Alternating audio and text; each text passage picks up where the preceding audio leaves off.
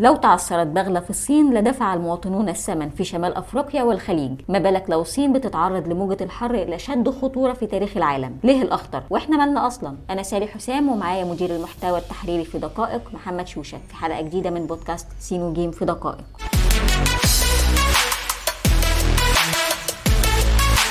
إيه اللي بيحصل في الصين بالظبط؟ خبراء الطقس بيقولوا إن إحنا قدام أطول موجة حر واكثرها سخونة في تاريخ الصين واصلا أشد موجة بيعدي بيها العالم في تاريخه. مؤرخ الطقس ماكسيميليانو هيريرا بيقول إنها جمعت بين أقصى كثافة سكانية وأقصى طول مع مساحة جغرافية ملهاش مثيل في نفس الوقت ودي حاجة في حدها الأدنى ما حصلتش في تاريخ العالم ابدا. العالم كله بيعدي بموجة حر عنيفة ليه الصين تحديدا تستحق التركيز؟ صحيح موجة الحر العنيفة مش رحمة حد عموما لكن الصين الوضع كان فيها أكثر تعقيدا لأن المرة دي في كتير من الأرقام القياسية اتحطمت إحنا هنا مثلا مش بنتكلم عن درجة حرارة صغرى وصلت 35 درجة ولا إن أقل درجة اتسجلت في كل المساحة الهائلة دي كانت 40 لكن هنتكلم عن تأثير ده وتزامنه مع انخفاض هطول الأمطار اللي سبب جفاف عشرات الأنهار بشكل كامل وحتى نهر اليانجستي اللي وصل أدنى مستوى في تاريخه. كل ده سبب انقطاع المية عن كتير من المناطق بشكل كلي وكمان وقف توليد الطاقة الكهربائية. طيب أنا دلوقتي كمصرية عايشة في القاهرة أو حد بيسمعنا في مكان ما من الشرق الأوسط مالنا ومال كل ده.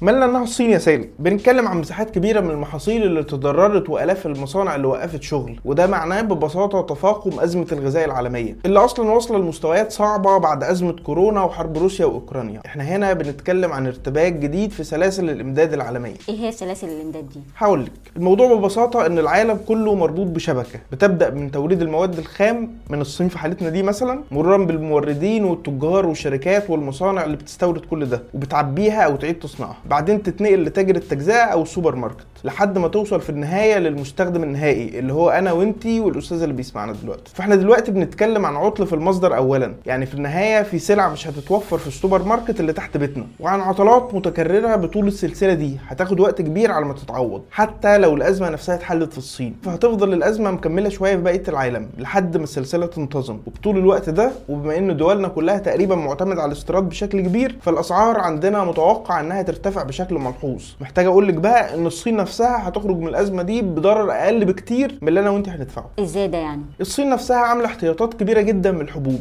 بحسب بعض الإحصائيات وصلت لنص مخزون العالم من الغذاء. 10 سنين كاملة الصين بتستورد سلع هي في الأساس من أكبر منتجيها في العالم. بالتالي في الأزمة الحالية كل اللي هي هتعمله إنها هتسحب من المخازن لحد ما تعدي الأزمة وتقدر تعوض اللي فقدته من جديد. بمناسبة الخطط الصينية محتاج أقول لك كمان إننا غالبا هنبقى قدام أكبر تجربة مفتوحة لهندسة الطقس في العالم. إيه هندسة الطقس دي كمان؟ دي تقنية لتعديل الطقس بتعتمد على طيارات بتطير متثبت عليها حاويات لمواد كيماوية زي جزيئات صغيرة من يوديد الفضة. أول ما توصل للمنطقة المناسبة في السماء الطيارات بتفضي المخزون على تشكيلات السحب. ده بيجمد بخار المية اللي بيدوب في النهاية ويسقط على الأرض في شكل مطر أو ثلج الصين جربت الموضوع ده أكتر من مرة في نطاقات صغيرة. دلوقتي المسؤولين الصينيين بيقولوا إن هم بيدرسوا توسيع التجربة وده لو حصل هيكون متغير مهم جدا جدا في تاريخ البشرية. وبهندسة الطقس وصلنا لنهاية حلقتنا. شكرا لوقتكم كان معكم سالي حسام ومحمد شوشة في بودكاست سين وجيم في دقائق.